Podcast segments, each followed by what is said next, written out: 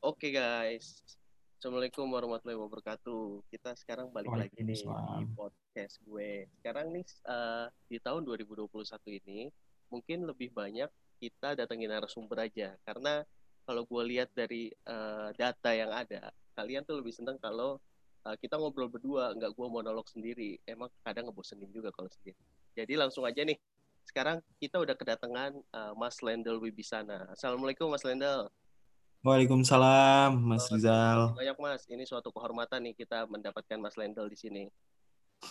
Saya yang bangga nih bisa membersamai acara kerennya Mas Rizal nih, Enggak lah, Mas. podcastnya Mas Rizal. Nah, jadi eh, Mas Lendel tuh sekarang bekerja di salah satu BUMN pupuk ya Mas ya.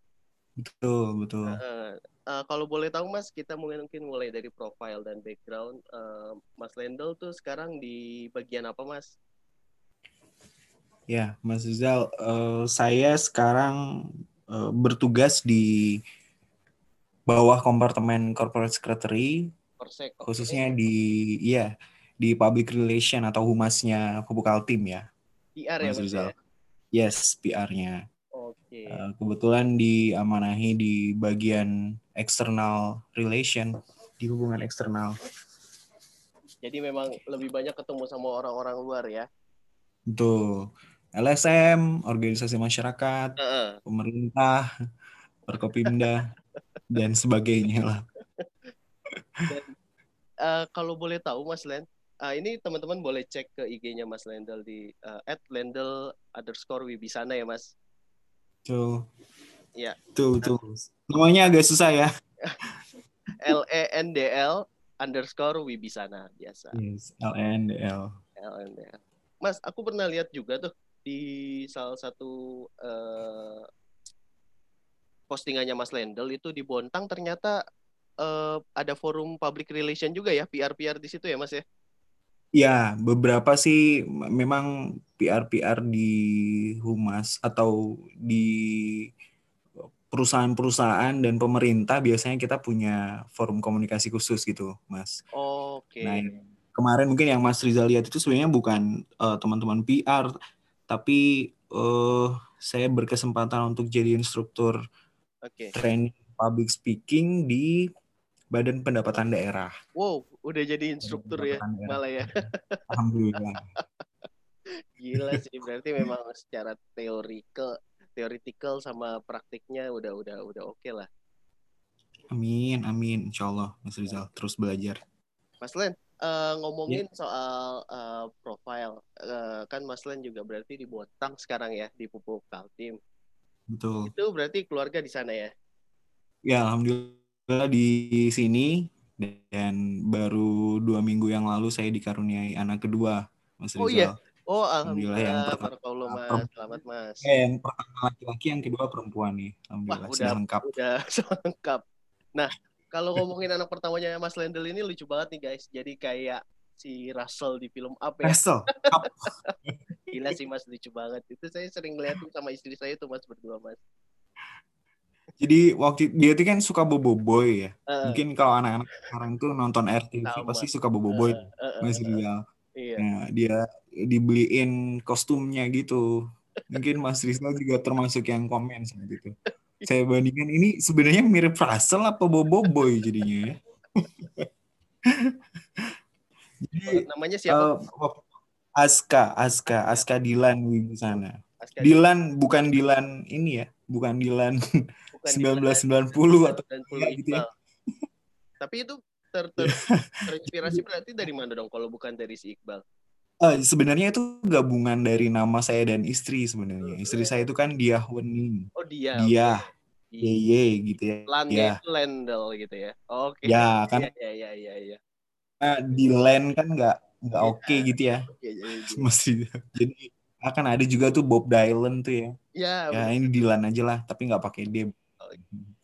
di Aska Dylan Wibisana terus jadi uh, uh. eh ya ya ya jadi gimana Mas? Sorry Mas. Saya lupa jadi mau ngomong apa tadi ya Sorry sorry aku potong. Terus berarti sekolah si Aska di sana ya? Aska di sini Heeh. sekolah masih umur 4 tahun kan Mas Rizal jadi Heeh. ya TK di sini lah oh iya saya baru ingat Jadi ada satu kesempatan saya uh, memoderatori kegiatan orang tua atau kegiatan parenting gitu ya untuk okay. orang tua orang tua uh, anak-anak yang bersekolah di sekolah anak saya. Hmm. Saat itu uh, narasumbernya Pak atau beliau sih sukanya di di sapa Bang Lendo Novo ya. Okay. Beliau itu seorang pakar atau pencetus konsep sekolah alam. Oh, oke. Okay. Ya, sekolah alamnya saya pernah dengar, ya, tapi beliaunya uh, to be honest belum. Terus, Mas? Iya. Uh, beliau sampaikan begini. Uh, mau melihat anak itu sebenarnya gampang. Lihat bagaimana orang tuanya. Jadi, oh. apa pun yang ada di anak itu uh, pasti uh, most of all itu semua uh, berdasarkan apa yang dilihat oleh anak. Dan yang paling sering dilihat oleh anak oh. adalah orang tua. Oh. Ayah dan ibu. Wah, Jadi, great ketika itu ya kita seketika itu saya langsung wah pantesan aja anak saya bulat gitu saya tanya kenapa sih suka makan waktu ngaca oh semua karena saya ternyata jadi itu beliau beliau tuh langsung benar-benar terang-terangan gitu ya wah wah berarti memang ini sih ya ya menarik lah ya sudah punya anak ya Mas Rizal betul, ya. Betul, kita kayak ya. apa egonya langsung diredam ya dengan adanya ya. anak istri gitu. Ya. Jadi kalau punya duit nggak mikirin kita sendiri sekarang mikirin keluarga. Oh, banyak yang dipikirin lah. Banyak yang dipikirin sekarang.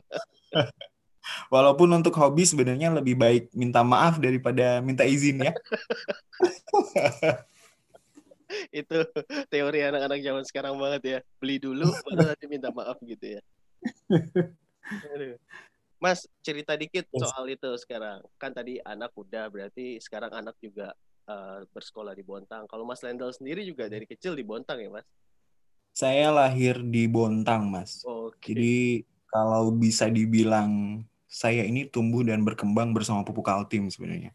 Hmm. Ayah saya uh, kerja di Pupuk Altim ya dulu di tahun 84 dari Bandung datang ke Bontang akhirnya berkeluarga uh, menikah dengan ibu setelah itu baru ibu juga ikut ke Bontang okay. saya dan adik-adik semua kelahiran Bontang akhirnya okay.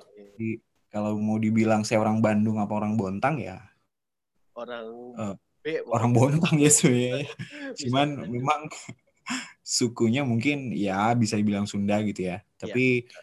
kalau dari logat pun kelihatannya sih agak susah untuk menerkan-nerkan ini saya dari iya. mana sih? Karena kalau orang nah, itu kalau lidahnya bukan di sana. Dari logatnya juga nah, udah ketahuan ya. Kalau Mas Lendel tuh ya. langsung ketahuan ya, langsung kebaca ya Mas Rizal ya. Nggak usah eh, nggak usah diajak ngobrol panjang ya cukup ngomong Vespa aja dicoba. Wah ketahuan ya langsung ini Vespa. Oke. Jadi Mas, ya cerita apa uh, bedanya Bontang dulu saat Mas Lendel kecil sama sekarang tuh uh, drastis ya, jauh ya.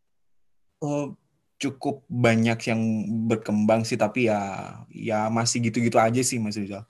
Oh, gitu. Kami masih warga Bontang tuh masih sangat uh, amazing dengan mall gitu ya karena kami harus perjalanan 2 sampai 3 jam dari kota ini untuk bisa datang ke mall gitu.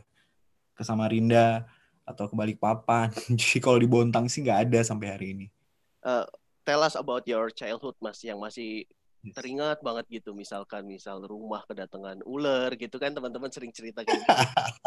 Atau apa yang benar-benar berkesan buat Mas Lendel waktu Mas Lendel kecil. Ya, kalau kalau kecil sih sebenarnya enggak ya tapi ya. Uh, enggak banyak yang diingat ya. Tapi di di rumah dinas karyawan yang sekarang ini kan ya kita benar-benar di di masih sebagian besar wilayahnya kan hutan ya mm -hmm. di musim ke, uh, di beberapa hari yang lalu itu saya kedatangan ini Mas Rizal uh, kala jengking besar banget tuh. Kala jengking warna hitam. Hampir setelah tangan saya tuh sama capit-capitnya. Gila itu gede banget sih. Gede, gede banget. Saya baru sampai merinding sendiri nggak wah ini kiriman eh, ilmu goib atau gimana nih? Tapi, tapi ternyata kalau musim hujan memang binatang suka pada masuk tuh ininya. Oh, okay. Kalau di sainsnya gitu ya, Mas Rizal ya. Terus di beberapa di awal-awal saya pindah ke rumah dinas itu ada ini uh, biawak. Oh biawak. Biawak. Iya biawak. Terus Biawaknya gede -gede tetangga ya, itu kedatangan ular. Uh, lumayan mas. Lumayan. Pokoknya udah kayak kebun binatang lah. Iya, Kalau iya. pagi itu burung masih banyak. yang kalau nggak inilah yang nggak kebayang kalau di Jakarta ke sini sih Mas Rizal. Iya ya. Kalau mau coba boleh, kalau mau coba boleh. Boleh Mas, aku pengen banget sih di sana cukup lama gitu. Biar tahu bisa ada. Tapi kan cuma mampir-mampir doang. Iya, ya. iya. Mas, sekarang uh, mungkin untuk background juga kita bisa cerita dikit. Kalau aku lihat nih di LinkedIn-nya Mas Lendol itu uh, banyak sekali sertifikasinya. Itu sertifikasi apa aja sih Mas? Kalau boleh cerita Mas? Nggak sebanyak Mas Rizal sebenarnya. Saya juga ngamatin nggak sebanyak Mas Rizal. Ah tidak tidak. Gimana? apa Mas?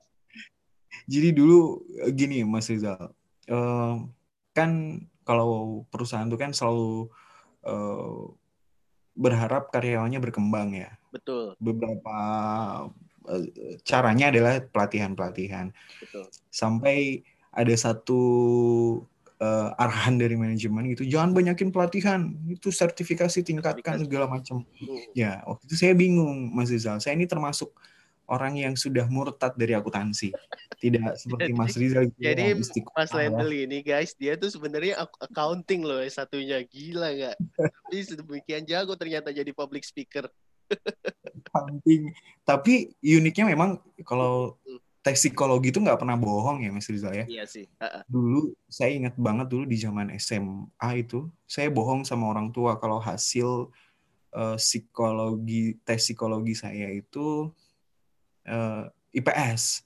IPS. Tapi ah, karena zaman-zaman kita mungkin dulu di ya medio 2003 2004 dulu itu Mas Rizal IPA itu kan membanggakan ya. Oh, IPA itu IPS itu, right itu kalau kita iya, IPA anak IPA, itu wih langsung gak levelnya naik gitu anak-anak nakal gitu dalam tanda kutip ya uh-uh. jadi waktu itu ya niatnya sih baik mungkin ya untuk membahagiakan orang tua gitu sambil menutupi tapi ternyata sepanjang perjalanan memang Tuhan itu nggak pernah salah nakdirin iya. seseorang dengan potensinya masing-masing. Akhirnya ya saya di kuliah memutuskan untuk ngambil akuntansi. Pun ketika ngambil akuntansi dalam hati ini sepertinya cuma jadi batu loncatan deh mikirnya sih gitu dulu tuh Mas Ijal. Makanya itu itu mungkin nah, ini menarik nih untuk kita dig out lagi nih. Itu mikir kayak gitu kapan tuh? Waktu kuliah? Waktu kuliah. Waktu, waktu kuliah. kuliah saya itu kan lulus belum lulus tapi sudah mikir belum lulus. kayaknya baru wow. Baru wow. baru dua semester. Ih asik sih ceritanya nih. Oke oke okay, okay. kok bisa tapi, gitu mas? hmm? uh, what is uh, your your insight gitu? Kenapa bisa sampai mikir baru dua semester terus ah kayaknya akuntansi cuman uh, batu loncatan gue jadi kan kan kita nggak pernah tahu ya akuntansi gimana ya mas Rizal anak IPA uh, itu nggak uh. pernah kebayang tuh jurnal bagaimana laporan keuangan bagaimana ya kan sampai akhirnya tuh sebenarnya cukup shock gitu ya. Uh, saya itu termasuk yang matematikanya buruk sekali Mas Rizal. Oke. Okay. Ini, ini nanti kalau ada pendengarnya Mas Rizal mungkin bisa sekalian disampaikan ya. Apa? Matematika jelek itu bukan berarti masa depan hilang, cuy. itu poin pertama guys, mohon dicatat. Matematika itu bukan segalanya. Matematika bukan segalanya. Masih banyak masih banyak yang lain ya. Oke. Okay. Jadi jadi dulu tuh matematika saya buruk banget hmm. di SMA itu buruk banget luar biasa. Terus uh, sampai ketika mau ujian nasional Mas Rizal hmm. teman-teman yang lain itu ketika habis try out mereka langsung saling mengecek jawaban. Saya pasti akan meninggalkan jawaban itu. Maksudnya akan meninggalkan proses itu ya. Yeah, di yeah. saya justru Lalu datang ke musola saya berdoa. Iya saya datang ke musola saya berdoa. Karena saya tahu pasti saya uh, bisa jadi sebagian besar jawabannya salah. Medial. itu tertekannya luar biasa iya. Sampai wah pokoknya luar biasa lah saat itu. Okay. Tapi akhirnya lulus, gitu ya. Akhirnya lulus walaupun nilainya ya jangan sampai saya sebutkan lah ya. Itu jadi aib seumur hidup sebenarnya. Tapi waktu itu saya ingat di masa-masa memilih kuliah dulu tuh saya punya cita-cita jadi dokter. Oke. Okay. Karena IPA ya, punya, udah lain nih. Karena IPA. Karena IPA. Mana yang nggak ada matematikanya tuh dokter kan pikiran kita begitu ya, Mas Rizal sebagai orang awam apalagi di Bontang kan wawasannya nggak banyak padahal ternyata kalkulus juga dihitung-hitung tuh ternyata di dokter alhamdulillahnya nggak lolos kalau nggak saya terperangkap sama kuliah doang tuh saya berdoa oh ternyata memang memang enggak gitu ya nah di awal-awal nggak pernah tahu akuntansi tapi uh, surprise-nya itu hmm. di semester 1 sampai semester 4 IPK saya nggak pernah lepas dari uh, 3,9, 3,8 gitu. Gokil 3, sih. 3,8. Tapi kok saya tersiksa gitu ya, kok, kok tersiksa. di di tahun ketiga saya jadi karyawan uh, mahasiswa teladan waktu itu, Mas wow. Rizal. FYI teman-teman, Mas Lendel ini akuntansinya UGM ya, Mas? Oh, oh Unpad, Unpad, Unpad. Oh, Unpad. Oke, okay, Unpad. Uh, uh, uh. Unpad. Jadi ya susah sih Unpad akuntansi itu sebenarnya uh, salah satu yang terbaik juga itu di Bandung. Sekarang Unpar juga udah bagus, Mas. Swasta ya. Ya, betul, betul, betul, Swasta, betul. Swasta juga bagus, bagus dan cantik-cantik ya, Mas. Uh, itu juga sih poin itu. Oke. Okay. Nanti kalau boleh dikat nggak apa-apa yang tadi. Nggak usah. Cantik-cantik. Emang cantik. Iya. Oke mas, Terus, jadi sampai nah. tahun ketiga tuh sampai dapat uh, mahasiswa teladan ya? Ya. Wow. Terus mas? Tapi justru justru itu uh, yang mendukung gitu, yang mendukung yang mendukung proses uh, migrasi dari dari akuntansi ke oh kayaknya bukan akuntansi deh gitu, Mas Akhirnya setelah saya jadi mahasiswa teladan saat itu banyak mahasiswa yang kenal gitu. Saya hmm. ya dalam tanda kutip populer gitu ya di okay. di kampus saat ikutlah uh, diminta sama teman-teman tuh udah ikut aja tuh jadi ini presiden bem gitu presiden bem fakultas. Dan ternyata saya juga dapat kesempatan untuk itu teman-teman wow. mahasiswa mayoritas memilih saya jadi, presiden bem fakultas waktu itu oh sempet sempet jadi sempet. ini presiden BEM fakultas. Sempat, sempat. Oh, ini baru tahu lagi kalau informasi ini keren. Oke, oke. Saya sempat demo sama teman-teman UI di depan gedung DPR waktu pelantikan DPR RI uh-huh. di tahun 2010. What's tahun the point? Apa-apa yang didemoin waktu itu? Waktu itu uh, ini Mas Rizal, gempa di Padang. Oh, oke, okay. ya, gempa ya. di Padang, gempa besar di Padang. Uh. Tapi uh, saat itu legislatif tetap uh, memutuskan untuk pelantikan yang kami dapat infonya itu sampai 64 miliar waktu itu. Oh. Biaya pelantikannya okay. doang. Uh, iya ya namanya masih sama Mas Rizal. Kurang humanis sih memang sih ya. Hmm. Setelah itu makin yakin kalau oh kayaknya memang sebenarnya bukan ini deh. Kita lihat aja deh nanti dalam pikiran gitu ya kan tetap aja akuntansi mah akuntansi gitu ya akhirnya masuk pupuk kaltim sekali lagi saya sangat yakin bahwa tes psikologi itu nggak pernah nggak pernah bohong gitu ya bohong. di ya di di pupuk kaltim pun saya nggak pernah masuk di uh, keuangan pusat Mas Zuzal. Oke. Okay. Saya di CSR yang oh. juga hubungannya akhirnya sama masyarakat ya. Iya iya iya iya CSR-nya Pupuk Kaltim sih one of the best itu ya. Banyak sekali yeah. GSP creating social value yang udah dijalankan di sana. Iya, yeah. iya. Yeah. Satu sesi sendiri tuh Mas kalau kita bahas tuh, bisa sejam sendiri. Seru juga tuh, Kayaknya boleh tuh kapan-kapan kita bahas. Akhirnya uh, berlanjut terus, terus uh, sempat jadi staff corporate secretary yang juga sama akhirnya akuntansi keuangannya kan berkurang ya ini yeah. pengetahuan hanya sekedar anggaran-anggaran di di kompartemen akhirnya tidak termanfaatkan dengan maksimal. Terus justru kesempatan untuk meningkatkan kemampuan komunikasinya jadi semakin banyak. Nah, saat itu mulai ada kesempatan untuk ngambil sertifikasi dan ketika dikasih pilihan oleh atasan, mau sertifikasi apa nih? Investor relation atau ini yang ini dulu aja, Pak. Cobain dulu kan sambil ngetes gitu Mas Rizal ya. Okay. Karena memang um, akhirnya waktu itu pertama apa sertifikasi yang diambil Mas Len?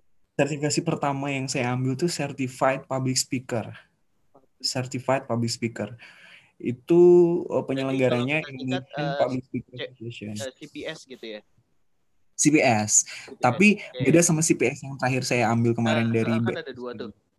Itu kalau CPS yang pertama itu uh, seperti lembaga swasta eh, yang merangkum banyak orang uh, yang bergerak di bidang public speak uh, bidang public speaking Mas Rizal.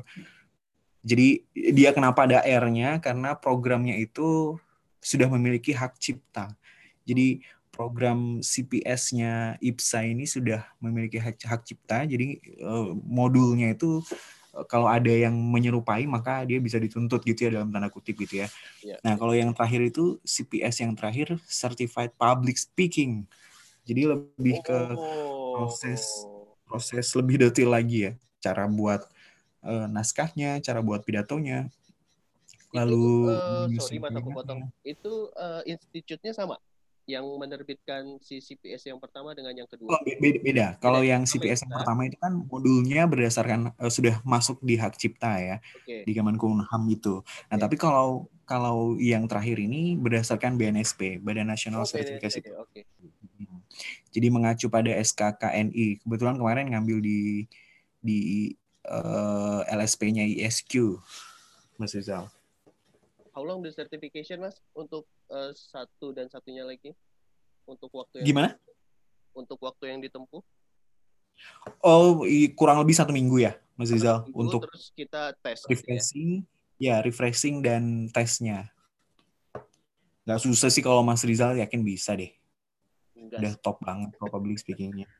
Tapi tapi uh uh, sertifikasi itu kan sebenarnya ini ya maksudnya melegitimasi kemampuan kita gitu ya. Jadi secara ada di level apa gitu ya. ya. Ya, dia meningkatkan kepercayaan. Nah, yang terakhir itu uh, Certified Sustainability Report Specialist dari uh, eh, NCSR ya kalau di Indonesia itu yang ya. yang menyelenggarakan NCSR. Terus kalau yang dari Belandanya itu ICSP. Oke. Okay. ICSP ya, practitioner-nya masih sama sih uh, sustainability report. Gitu Mas Rizal. Alhamdulillah sih um, di tiga tahun terakhir Pupuk Altim selalu dapat platinum sustainability report-nya. Okay, juga sama, Pupuk Indonesia juga begitu. Karena Mas. Main lah Pupuk pokoknya. Oke, Mas Ren. Ini keren sih sertifikasi-sertifikasinya. Mungkin nanti kita bisa elaborate lebih dalam di segmen berikutnya ya. Karena kita punya Siap. segmen ini dulu nih, Mas. Rapid fire namanya. Jadi oh, yes. tanya Mas Len, ada dua atau tiga pilihan. Terus Mas Len jawab, uh, Mas Len pilih yang mana. Lalu juga disebutkan okay. alasannya. Oke? Okay? Oke, okay. okay, siap. Okay. Yang pertama, yang gampang-gampang dulu deh. Bontang, Jakarta, atau Bandung? Bontang. Bontang. Kenapa, Mas? Uh, terlalu dalam untuk diceritakan sebenarnya. kayak, uh, kayak kalau kita memberikan ya dengan apa yang diberikan Bontang kepada Mas Len mungkin ya, kecil ya. Betul. Sampai sampai detik ini sih Mas Rizal masih kayaknya kok oh, harus punya peran yang lebih banyak gitu, punya bukan peran ya maksudnya manfaat yang lebih banyak di apa pun perannya gitu manfaatnya banyak gitu. Bontang masih gini-gini aja kira-kira bisa berikan apa gitu masih masih begitu sih. Tapi mungkin memang kalau mau mau lebih banyak wawasannya terbuka wawasannya Jakarta nggak ada duanya sih memang. Tapi itu jawabannya unexpectable dan menurut saya juga penjelasannya bagus oke mas. Dua. Oke bicara atau mendengarkan? Mendengarkan. Mendengarkan. Kenapa, Mas? Lagi-lagi jawabannya nggak saya expect. Mas Rizal, uh. salah satu prinsip dasar dari seorang public speaker itu adalah dia adalah seorang pendengar yang baik. Jadi kalau ada public speaker yang di antara dua pilihan itu justru milih berbicara, yeah. Iya. uh, rasanya sayang gitu ya karena kalau mau uh, kata-kata kita punya impact, kalau mau kalimat-kalimat kita penuh makna itu kan harus lewat hati ya. Nah, hati itu kalimat-kalimatnya juga harus dirasakan baik-baik. Maka sebelum menyampaikan pada orang yang harus lebih pertama kali mengenal, memahami, menjalankan, mengerti itu diri sendiri. Jadi mendengarkan orang, mendengarkan nasihat orang, evaluasi diri sendiri baru menyampaikan supaya punya impact sih. Gitu Mas Rizal. Speechless, speechless keren. keren, keren, keren. Thank you Mas Len. Yang terakhir, Menkes yep. sekarang apa Menkes yang baru aja diganti? Gimana? Menteri Kesehatan yang sekarang atau Menteri Kesehatan yang baru aja diganti? Pilih mana? yang sekarang lah. Yang sekarang lah. Ini harus dijawab alasannya. Ya, tidak, tidak, tidak. Itu hanya bercanda. Tidak Wah, kacau kalau sampai saya jawab ya. Ke mana-mana. iya. Oke, Mas Lendel. Kita masuk ke segmen berikutnya. Segmen ketiga okay. mungkin ini adalah substance-nya. Jadi ini di sini kita akan berbicara banyak tentang uh, public speaking dan public speaker. Mas Len, yeah. kalau kita lihat tadi kan kita udah ngobrolin soal backgroundnya Mas Lendel, accounting gitu. Terus tiba-tiba uh, for the good reason gitu, kalau kita ngedeng mungkin teman-teman uh, saya cerita dikit dari uh, dari sisi saya, kita tuh pertama kali ketemu waktu kita lagi acara pertemuan millennials ya Mas ya Betul, betul, nah, betul. BUMN pupuk, terus kita mendengarkan insight-insight dari masing-masing teman-teman. Terus saya begitu ngeliat Mas Lendel tuh langsung kayak, wah ini orang uh, karismatik sih, gokil maksudnya begitu dia ngomong, nggak terlalu panjang, nggak pendek, tapi substansinya tuh kena semua tuh mas. Hmm, nah, masya Allah. Nah, back then dari kita ngomongin soal accounting, berarti kan ada two steps or steps behind yang Mas Lendel tuh sebenarnya ketinggalan dari teman-teman yang mungkin dari FISIP atau mungkin dari ilmu sosial betul, satu betul, ini, gitu. betul, betul. Itu gimana sih Mas cara belajar atau mengejar ketertinggalan two steps or three steps behind itu? Salah satu caranya adalah saya mengambil kesempatan atau bukan mengambil ya, Mas Rizal. Saya memanfaatkan setiap kesempatan sekecil apa pun itu terkhusus kesempatan public speaking. Oke, okay. oke. Okay. Kalau mau ngomongin komunikasi kan sangat luas ya, Mas Rizal.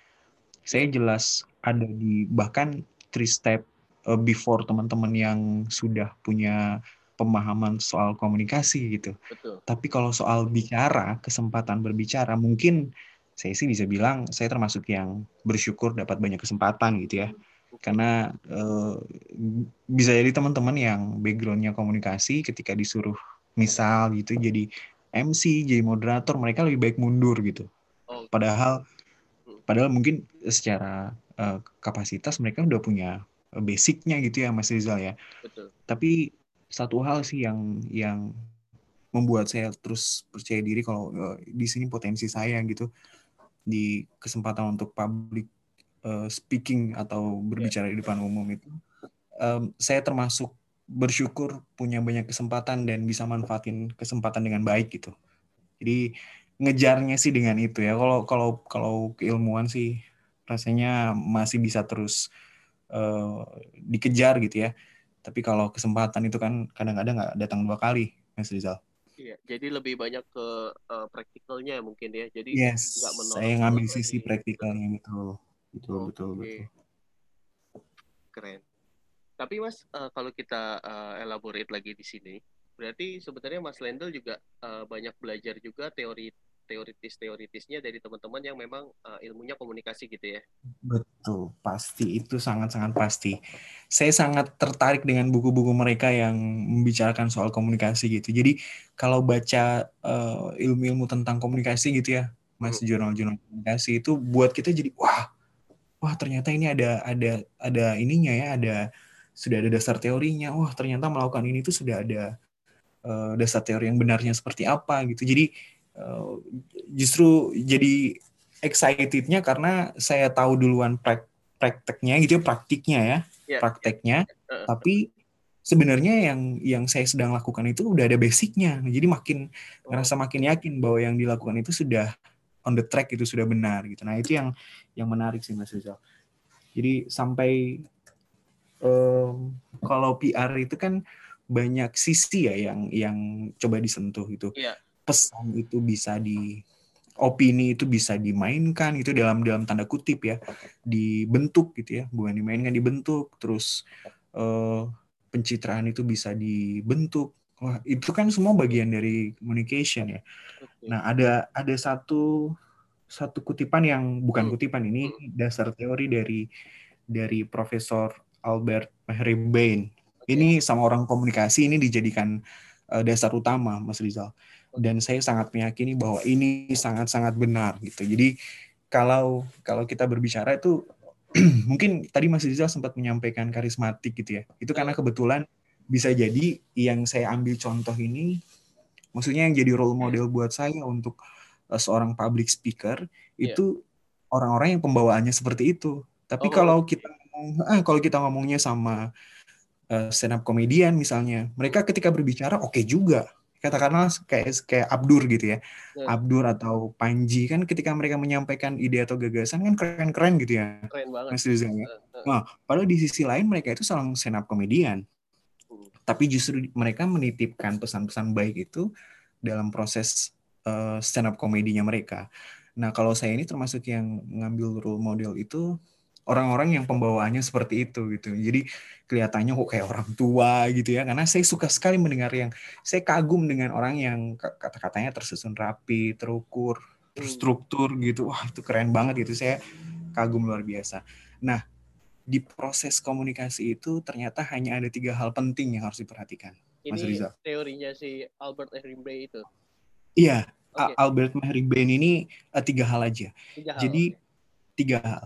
Jadi words atau dari 100% penyampaian atau komunikasi atau informasi yang mau kita sampaikan sama orang pada orang lain melalui media apa pun ada tiga hal. Tiga yang pertama words, kata-katanya kata-katanya. Words. Kata-katanya itu hanya mewakili atau dapat menyampaikan informasi sebanyak 7% Mas Rizal. 7%. Really? Oke. Okay. Gokil sih. Makanya kenapa mungkin kalau kita dapat uh, diktat gitu ya, kita tetap aja harus dengar sama instrukturnya.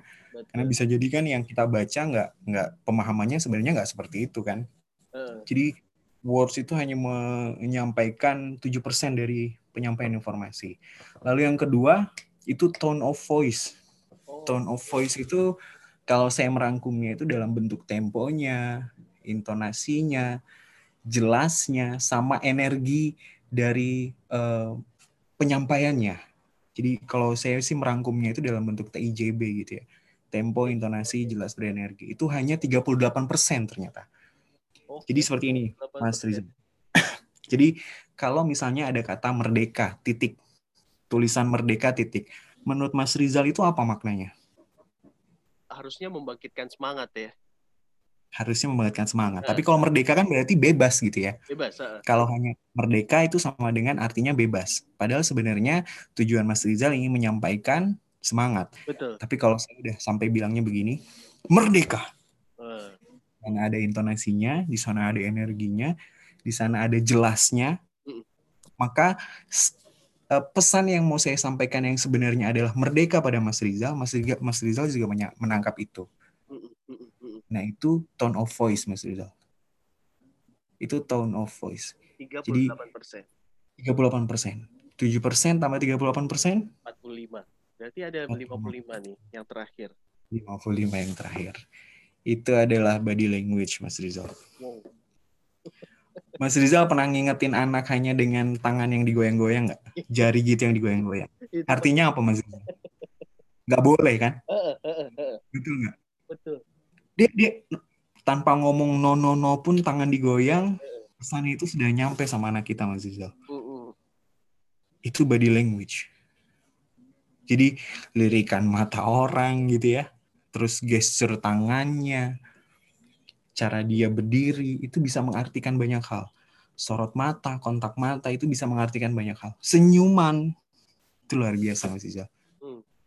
Jadi um, kalau tiga hal tadi di kolaborasi bagi seorang public speaker pasti akan sangat berdampak gitu ya. Pasti akan informasi yang disampaikan uh, pasti akan sempurna.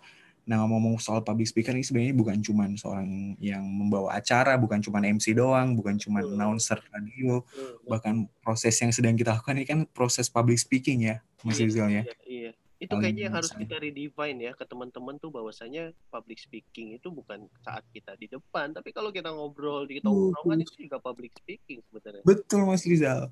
Jadi saya ingat di di Bapenda itu Badan Pendapatan Daerah ketika saya menjadi instruktur, hmm. saya bilang uh, yang mau kita lakukan sekarang bukan membentuk Bapak Ibu semua ini menjadi seorang pembicara di depan umum atau bisa berbicara di depan umum, lalu bentuknya seperti saya.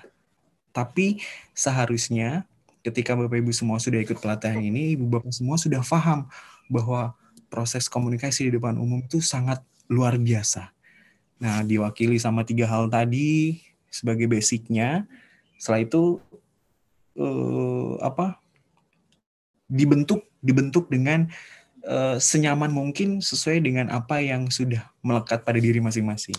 Kan kita sering ketemu ya Mas Rizal sama iya. orang-orang yeah. yang yang berbicara di depan umum tapi dengan logatnya kekhususannya masing-masing ya. Katakanlah seperti Dodit gitu kita ngomongin Dodit nih.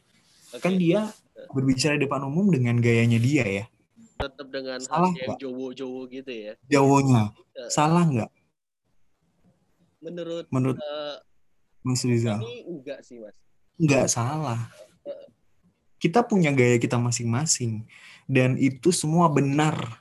Ya, jadi yang salah itu kalau salah menempatkan diri ya. Salah menempatkan. Yang seharusnya. Kayak misalnya di kita lagi nge-MC di depan atau di depan pejabat nge-MC nih ya. Terus gayanya gaya ngelucu. Nah, itu salah.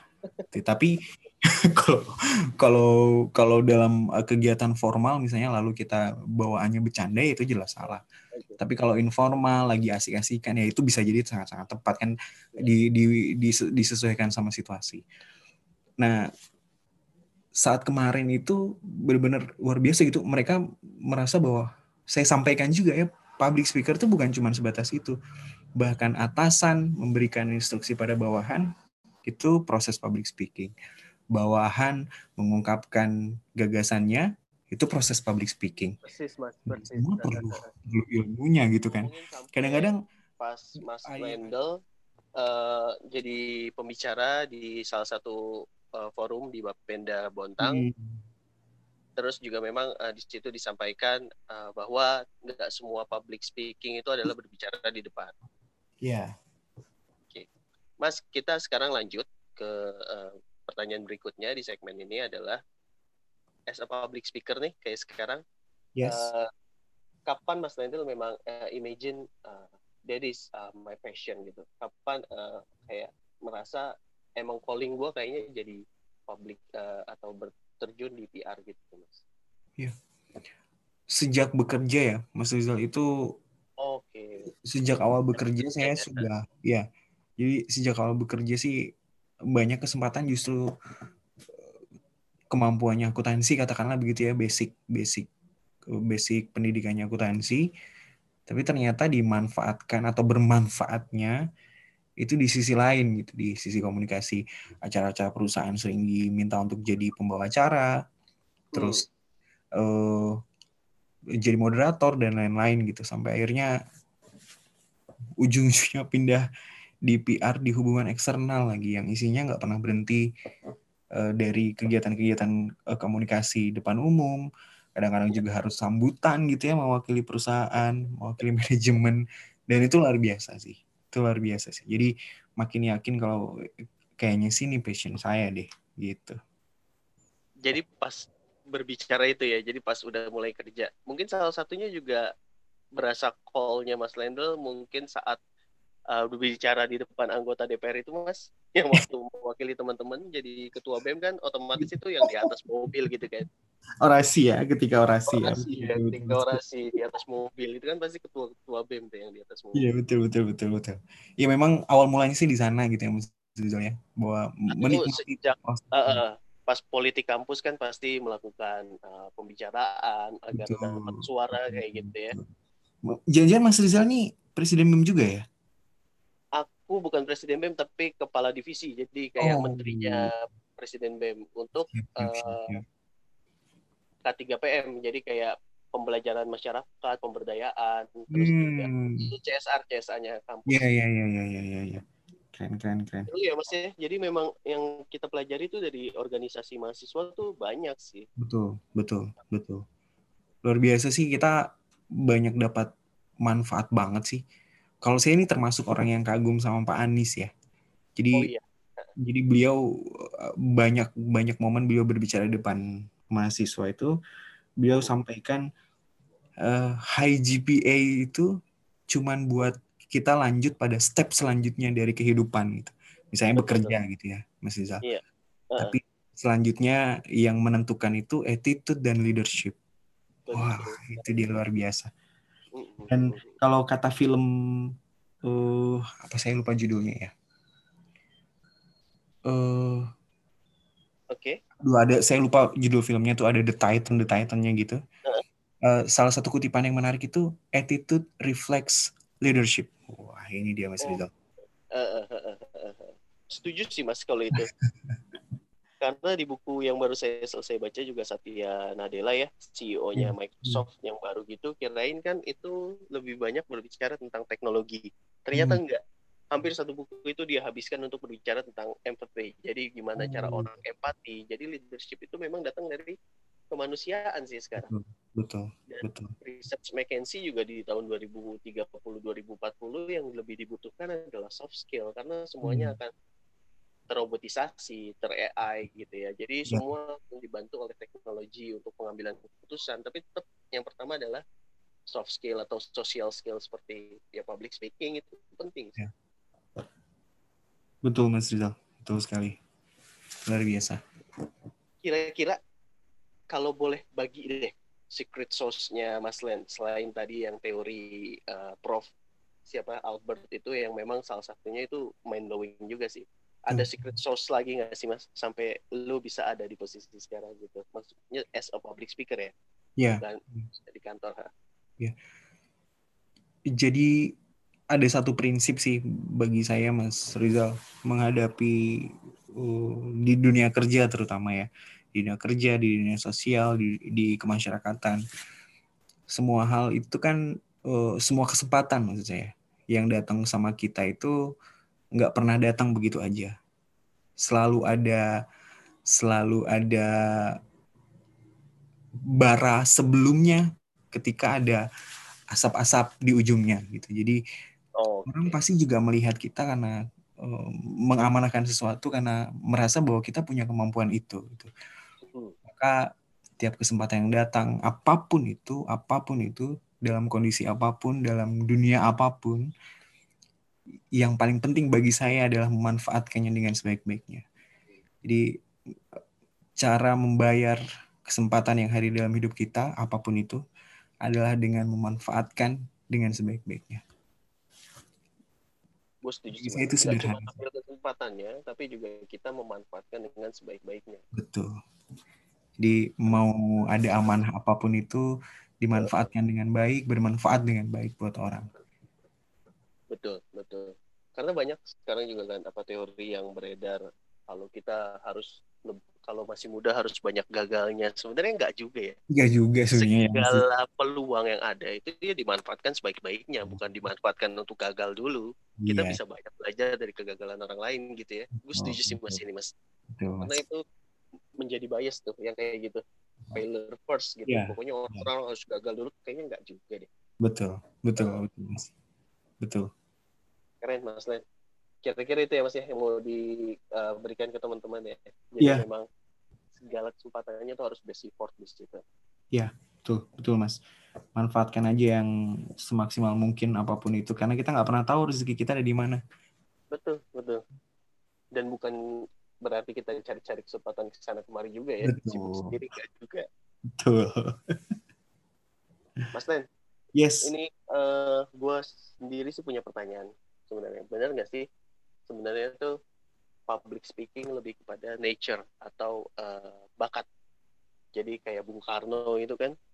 Ketika semua orang dijajah dia doang tuh yang berani naik ke podium pakai baju putih celana putih gitu kan. Ya, dia ya, ya. banget terus dia bilang Indonesia nggak akan lagi dijajah. Lah gimana bisa orang kita selama ini dijajah gitu ya? Pasti kan mindsetnya ya udah kita negara jajahan. Tiba-tiba dia datang come up ngomong kayak gitu yang hmm. yang semua orang wih gila juga nih orang akhirnya hmm. semua orang ikut dia gitu kan jadi Mas yeah. Len setuju nggak kalau sebenarnya kita harus punya karisma dulu baru boleh ngomong atau memang ada ilmunya kalau ada ilmunya setiap hal pasti ada ilmunya ya Mas Rizal ya tapi menurut saya sih oh berbicara di depan umum rasanya bagi semua yang bisa berbicara rasanya sama aja semuanya orang baik berbicara di depan umum karena dia sudah terbiasa berbicara di depan umum, bukan karena ketika okay. lahir okay. lantas dia sudah punya kemampuan atau potensi berbicara. Sekalipun memang ada yang diberikan potensinya atau diberikan kemampuan itu lebih cepat belajarnya, lebih mudah belajarnya, lebih dahulu belajarnya ketimbang yang lain. Tapi bukan berarti yang lain nggak bisa berbicara di depan umum, Mas Rizal. Kalau yang poin itu sih saya nggak setuju karena semua orang berhak berbicara, semua orang ber, bisa berbicara, walaupun memang berbicara ada ilmunya. Kalau mau benar-benar baik dan bermanfaat buat orang. Jadi kalau untuk sisi itu sih kayaknya kalau berbicara di depan umum ya semua bisa karena terbiasa ya Mas Rizal. Oke. Okay. Tapi kalau soal karismatik itu pembawaan beda lagi ya. Kan itu tadi kita sempat berbicara soal oh di di momen ini kita harus lebih formal misalnya, lantas itu kita harus munculkan karisma gitu dengan tersenyum dengan uh, suara yang disesuaikan gitu ya. Kan nggak mungkin acara formal lantas suaranya tidak dalam posisi yang uh, agak sedikit berwibawa gitu ya. Misalnya Assalamualaikum warahmatullahi wabarakatuh. Selamat siang dan salam sejahtera untuk kita semua. Itu kalau acara formal ya. Kan? kalau acara informal kan nggak bisa ya begitu langsung suasananya langsung wah langsung drop ya. Langsung kaku gitu ya. Langsung diem semua. Langsung kalem gitu ya. Jadi semua ada ada ada penempatannya gitu ya. Soal karisma sih sebenarnya soal pembawaan ya Mas Rizal. Soal pembawaan. Nah, ini eh, kami juga dapat itu mas beberapa pertanyaan dari Instagram yang kemarin uh, udah di share ke teman-teman. Itu salah satunya dari Mas Afif nih nanya kalau gitu kalau berbicara ini kayak uh, tidak ada depan umum itu nulis naskah penting nggak sih mas? Penting. Mas Rizal ya? itu yang saya sangat bersyukur saya sempat dapat kesempatan ikut uh, CPS yang terakhir ini yang uh, sesuai dengan SKKNI ya hmm, hmm. standar kompetensi uh, nasional gitu ya Mas Rizal. Hmm. Jadi bagi seorang public speaker dalam proses dia berbicara di depan umum dua hal yang harus disiapkan atau dua kompetensi yang harus dilalui. Satu persiapan naskahnya dan yang oh. kedua cara menyampaikannya atau ke proses keseluruhannya gitu ya. Jadi oh uh, prosesnya memang kita harus serius kan kalau katanya Ali bin Abi Thalib uh, gagal dalam mempersiapkan sama dengan mempersiapkan kegagalan. Uh. Jadi tetap persiapan itu mutlak Mas Rizal. Maka ketika mengambil sertifikasi itu kemarin hampir dari seminggu itu hampir tiga hari tiga hari itu proses mempersiapkan materi Mas Rizal. Oke. Okay. Okay. Mempersiapkan materi. Jadi sekalipun words itu hanya 7%, tapi um, 93% yang lainnya bisa dilalui ketika words-nya itu sudah sangat-sangat baik. Betul. Jadi mungkin words itu mungkin 7%, tapi pemilihan diksi itu juga penting ya Mas ya? Betul, betul. Juga harus disesuaikan siapa yang diajak bicara kan. Jangan terlalu meninggi, tapi tetap membumi sesuai sama bahasa uh, yang sedang kita hadapi gitu ya. Jadi menyesuaikan gitu, menyesuaikan. Nah, baik then uh, ke jawaban Mas Lendel yang tadi, yaitu hmm. yang harus dipersiapkan adalah pertama persiapan naskah dan yang kedua adalah cara menyampaikan. Yes. Yang dimaksud cara menyampaikan ini berarti keseluruhan ya Mas ya, kayak rehearse gitu ya, rehearse Betul. kita gladi resik gitu ya. Betul. Eh, berlatih dulu kalau memang perlu berlatih dan ngerasa banyak sisi grogi ketika sisi nah, mulainya mungkin harus ada praktisnya dulu. Ini Terus, juga ada pertanyaan lagi nih Mas dari hmm. Instagram dari Mbak Laudita juga bertanya yang mau Mas Lenda sampaikan. Gimana cara menghilangkan nervous? Mungkin uh, selain uh, rehearse gitu kita kayak apa ngobrol sendiri depan kaca tuh ngaruh gak sih mas? Atau mungkin ada secret sauce yang mau mas Lendal bagi yeah kalau kalau berlatih itu sebenarnya poinnya adalah berlatih itu penting. Uh, tergantung masing-masing orang apakah itu mau menghadap kaca melihat sendiri atau uh, ada teman dekat yang mau diminta untuk mendengarkan lalu memberikan feedback itu juga oh, boleh. Itu, juga. Itu, okay. Tapi berlatih yang paling baik itu adalah memanfaatkan kesempatan yang ada, Mas Rizal. Diminta oh. misalnya jadi presenter gitu ya disuruh udah kamu aja deh yang presentasiin yang lainnya pada nggak mau padahal mungkin yang lain lebih pintar daripada kita misalnya lebih tahu tapi dengan memanfaatkan untuk presentasi di depan banyak orang mewakili teman-teman itu cara belajar paling tepat menurut saya Mas Rizal dari situ kita bisa self assessment sampai akhirnya nanti ketika kita sudah enjoy dengan menyampaikan atau berbicara di depan umumnya sudah enjoy, nanti pelan-pelan uh, uh, audiens itu akan juga memberikan feedback sama kita. Oh, uh, kamu terlalu berlebihan bercandanya, misalnya begitu ya kalau lagi bercanda. Nanti itu akan akan muncul sendiri. Tapi metode misalnya berbicara sendiri di depan kaca itu menurut saya cukup cukup baik gitu ya untuk minimal kan tadi ya proses berbicara itu atau jadi seorang public speaker itu adalah intinya adalah sebelumnya pernah mendengarkan. Sebelumnya pernah mendengarkan. Kita kan pernah tahu dulu sama pengetahuan yang akan kita sampaikan ya Mas Rizal ya. Jadi kita mendengar dulu baru kita menyampaikan. Kan aku dengar maka aku faham gitu ya. ya aku lihat maka aku tahu kan intinya sih begitu ya Mas Rizal. Jadi tetap aja ketika kita e, ngaca kita kan juga bisa sambil self assessment. Rasanya sih oke okay sih itu sebenarnya. Nah, satu hal yang bisa saya hmm. share untuk menghilangkan grogi itu hmm. kalau di di dunia hipnoterapi itu selalu ada uh, proses tahan nafas gitu ya tarik nafas yang dalam tahan satu dua tiga hembuskan itu makin rileks biasanya nah itu dilakukan oh, okay. itu ngaruh ya mas ya aku pikir itu mitos doang enggak itu itu, itu ngaruh ya? Itu okay. itu boleh dicoba deh misalnya dalam kondisi grogi tahan nafas yang dalam terus sampai uh, sambil memberikan dalam hati itu bisa bisa bisa gitu ya relax oh. tenang tenang itu lalu hembuskan pelan pelan itu biasanya uh, bukan biasanya ya pasti akan menurunkan uh, tensi grogi kita gitu iya. tensi kita akan turun kita akan turun ya dengan yeah. Iya. uh, pola pernapasan kayak gitu ya Hmm, itu itu seru deh, seru deh untuk mengetahui banyak tentang itu. Mungkin teman-teman psikolog yang eh, concern di hipnoterapi mungkin bisa diajak ngobrol juga soal itu menarik banget itu, Mas Rizal.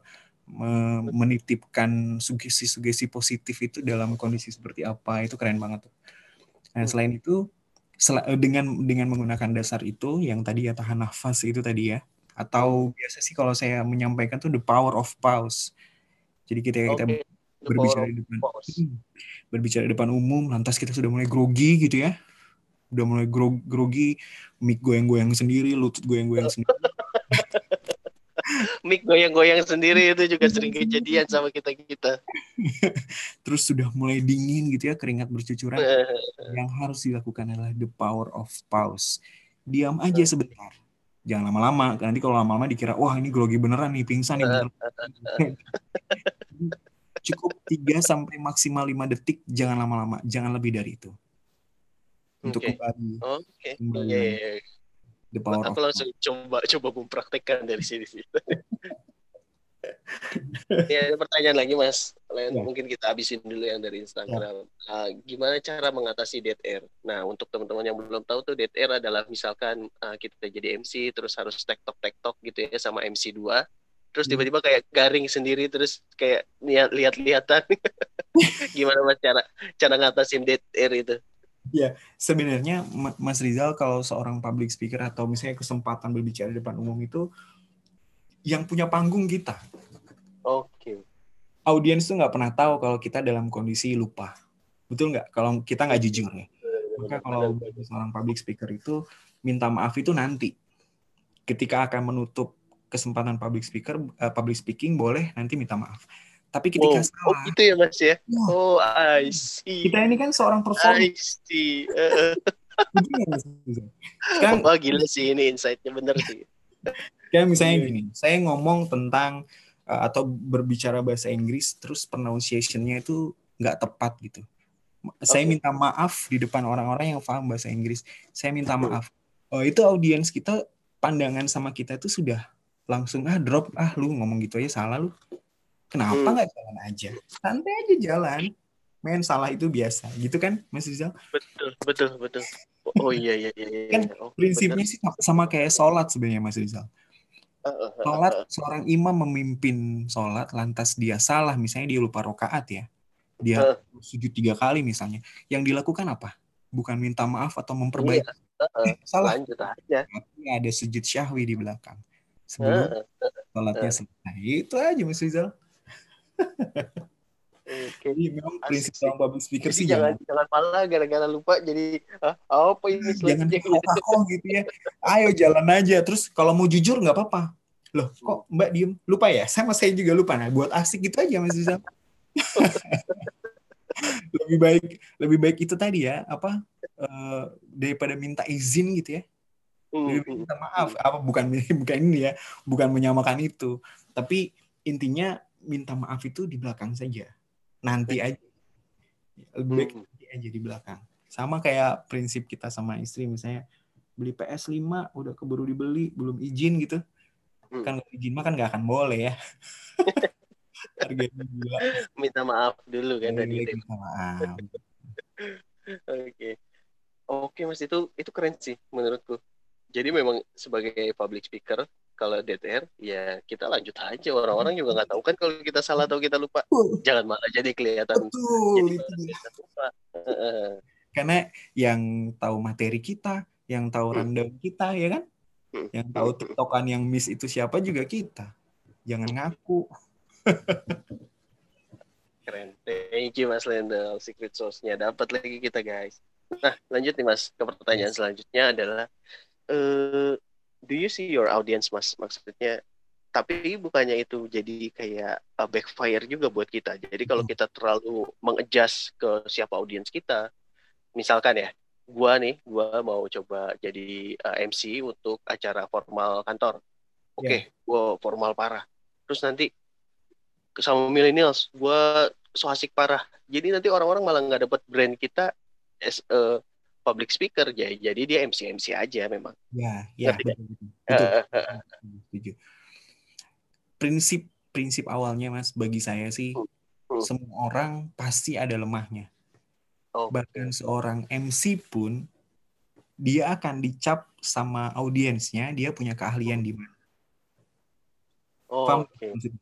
Jadi nggak mungkin seorang ini katakanlah misalnya Ruben Onsu gitu ya.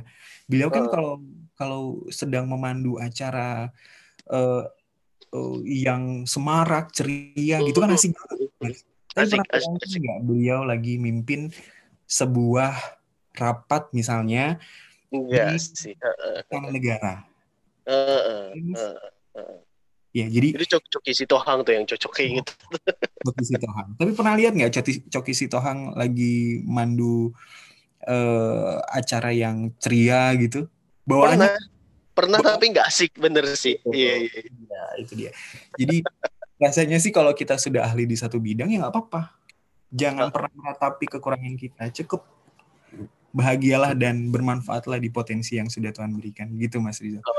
Oke, jadi jangan bukan berarti kita harus uh, harus seru di semua tempat gitu ya. Oh, itu malah menghilangkan karakter kita ya. Betul. Jadi tetap aja apa-apa. Dan yang kalau kita lihat memang sekarang brandingnya Mas Lendo lebih kepada acara-acara formal ya, karena kalau hmm, kita lihat Mas Lendo tuh tertata, terukur, ya, teratur, intonasinya juga selalu pas gitu ya kalau untuk acara-acara formal kayaknya untuk eh apa kabar gitu susah juga ya mas ya kebayang mas mas Rizal aja bisa ngebayangin kayak gimana tuh saya sih sendiri nggak bisa ngebayangin pakai baju warna-warni gitu mas Rizal iya pakai baju aduh ampun Oke oke oke. Jadi memang penyesuaian atau melihat audiens itu penting, tapi itu bukan betul. bukan yang pertama gitu ya. Betul betul. betul. Gila mas kita ngobrol udah sejam lebih ternyata. Walau kalau dihitung sama kesalahan teknisnya tadi ya. Mungkin ke segmen ini terakhir, uh, eh, gue mau nanya ini sih Mas Len.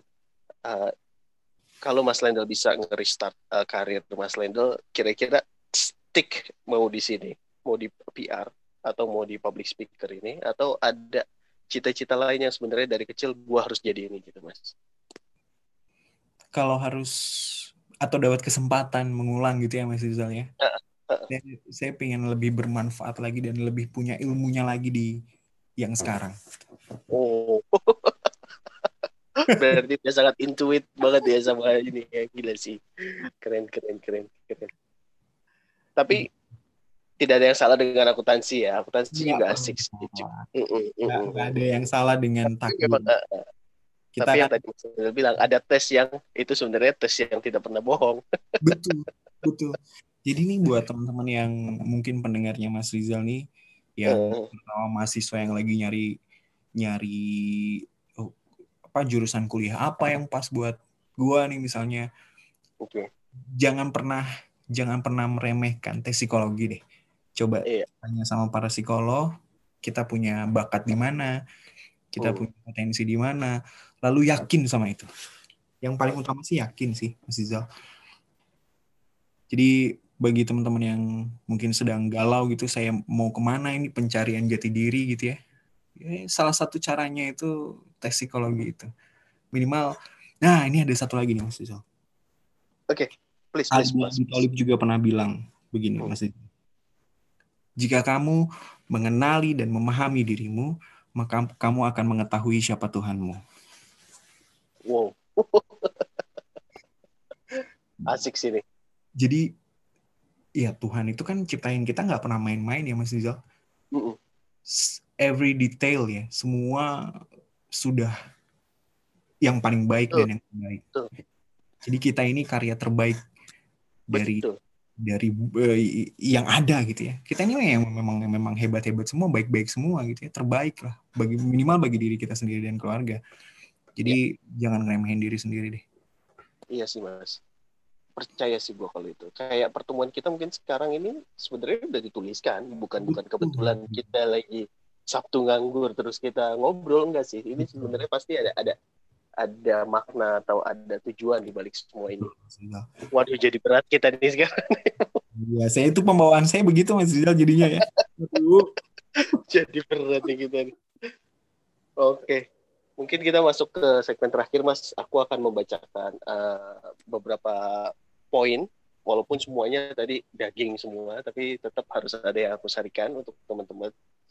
Tadi kita bahas tentang ada tiga teori dari Prof. Albert Ehrenberg bahwasanya uh, ada tiga hal yang sangat penting dalam public speaking. Yang pertama adalah words, itu 7%, tone of voice, uh, itu 38%, yang terdiri dari tempo, intonasi, uh, jelas dan berne, uh, berenergi penyampaiannya. Lalu yang ke terakhir adalah body language yang paling besar adalah 55%. Lalu juga kita di situ tadi berbicara banyak tentang sertifikasi yang ternyata uh, bahkan kalau Mas Lendel aja dari akuntansi bisa ambil, kita juga encourage teman-teman ya Mas ya. Betul. Kayaknya kalau kalau teman-teman mau ambil silahkan karena di sini banyak ilmunya. Betul. Betul. Ada persiapan penulisan naskah, dan juga di situ diajarkan bagaimana cara menyampaikannya gitu ya. Terus juga kalau kita lihat tadi Mas Lendel juga mention soal hipnoterapi gimana ada the power of pose kalau yang Mas Lendel sendiri punya yaitu kita coba memanage uh, pernapasan kita sehingga bisa menurunkan uh, nervous kita. Lalu juga ada pertanyaan lagi dari teman-teman mengenai dead air Nah, karena sebagai public speaker itu panggung punya kita, jadi ya jalan aja, jangan malah jadi buat orang-orang tahu kalau lo lagi salah gitu ya, Mas Lendel kira-kira. Dan memang kalau dilihat lagi dari pertanyaan tadi, kalau audiens itu sebenarnya nggak nggak jadi yang utama untuk kita menentukan bagaimana cara pembawaan kita. Yang seperti tadi Mas Lendel sudah sampaikan, lu kuatnya di mana ya lu perdalam aja di situ jadi nggak usah di semua bidang gitu ya. Iya, iya. Keren Mas Lendel, kami terima kasih banyak atas waktunya Mas Lendel. Mungkin Mas Lendel mau add on something Mas untuk kita closing. Jadi ada satu kutipan karena dari tadi Mas Rizal kan mengambil contohnya itu Presiden Soekarno ya. Beliau ini yeah. salah satu sosok uh, leader leader yang saya yang kagum. semua orang pasti cintai betul. Ya, pasti kagum, pasti cinta dengan beliau. Mm beliau berhasil memberikan uh, harapan di antara uh, situasi yang ketika saat itu rasanya harapan itu mahal gitu, tapi beliau menghadirkan itu. Exactly, exactly. beliau terkenang sampai sekarang. Jadi yeah. ada satu ada satu kutipan dari Presiden Soekarno seperti ini, Mas Rizal. Hmm. Bermimpilah setinggi langit. Jika engkau jatuh, engkau akan jatuh di antara bintang-bintang. Hmm. Jadi wow. kita boleh kok mimpi setinggi mungkin. Langit itu mudah digapai dengan mimpi. Tapi kalau berharap harus membumi ya, Mas Rizal. Mimpi setinggi langit, tapi taruh harapan itu di bumi aja, jangan di bawah-bawah. Karena kita banyak berharap, kita banyak kecewa. Tapi seperti pesannya dari Presiden Soekarno, bermimpilah setinggi langit, jika engkau jatuh, engkau akan jatuh di antara bintang-bintang. Ya mungkin kita kayak misalnya saya ngambil contoh sama diri sendiri. Mungkin saya pernah punya cita-cita jadi seorang dokter, tapi Allah tidak pilihkan saya jadi dokter, tapi sekarang saya jadi suami seorang dokter. Jadi kalau ada Bu RT, ada PRT, ada Bu Dokter, ada Pak Dokter gitu. Jadi bawah gitu ya. Jadi jatuhnya di antara langit-langit juga gitu ya, di bintang-bintang gitu ya. Keren, keren, keren. ya, pokoknya buat buat semua um, mau jadi apa pun kita, bermimpi apa pun kita, selirih apa pun itu dalam hati, Tuhan pasti tahu. Dan Tuhan pasti mengabulkan, insya Allah. Sangat berjuang buat semuanya. Buat Mas Rizal, uh, future leader, semoga bisa membawa Papua Indonesia jauh lebih keren ke depan. Amin mas, but it's yours. Uh, ini harusnya kita apresiasi untuk Mas Lendal sih, untuk kalimat itu. Yeah. Mas Lendal, makasih banyak ini mungkin akan ada sesi-sesi berikutnya nih sama Mas Lendro kita ngomongin yang lain. Terima kasih banyak Mas Rizal. Keren, terima kasih. Semoga acaranya semakin bisa memberikan manfaat buat banyak orang. Amin, amin. Pasti pertama uh, ada sulitnya juga memulai ini, tapi hmm. kita yakin nanti ini kan untuk kita lagi spread positivity untuk teman-teman sebenarnya. Betul, betul. Apalagi ini semuanya adalah ilmu yang mahal sebenarnya, ilmu public yeah. speaking. Tapi Mas yeah. Lendel mau bagi ini secara cuma-cuma sekali lagi kami terima kasih banyak Mas Lendel. Salam untuk kita Mas dan uh, semoga uh, Bontang selalu lebih baik lagi dari tahun ke tahunnya. Amin, amin, amin. Amin, Mas Lendel. Mas Siap, Lendel mungkin kita tutup. Terima kasih banyak sekali lagi ya. Thank you guys yang udah dengerin. Uh, nanti kalau ada kritik atau saran silahkan langsung di uh, IG gue aja ya. Thank you sekali lagi semua. Thank you banget.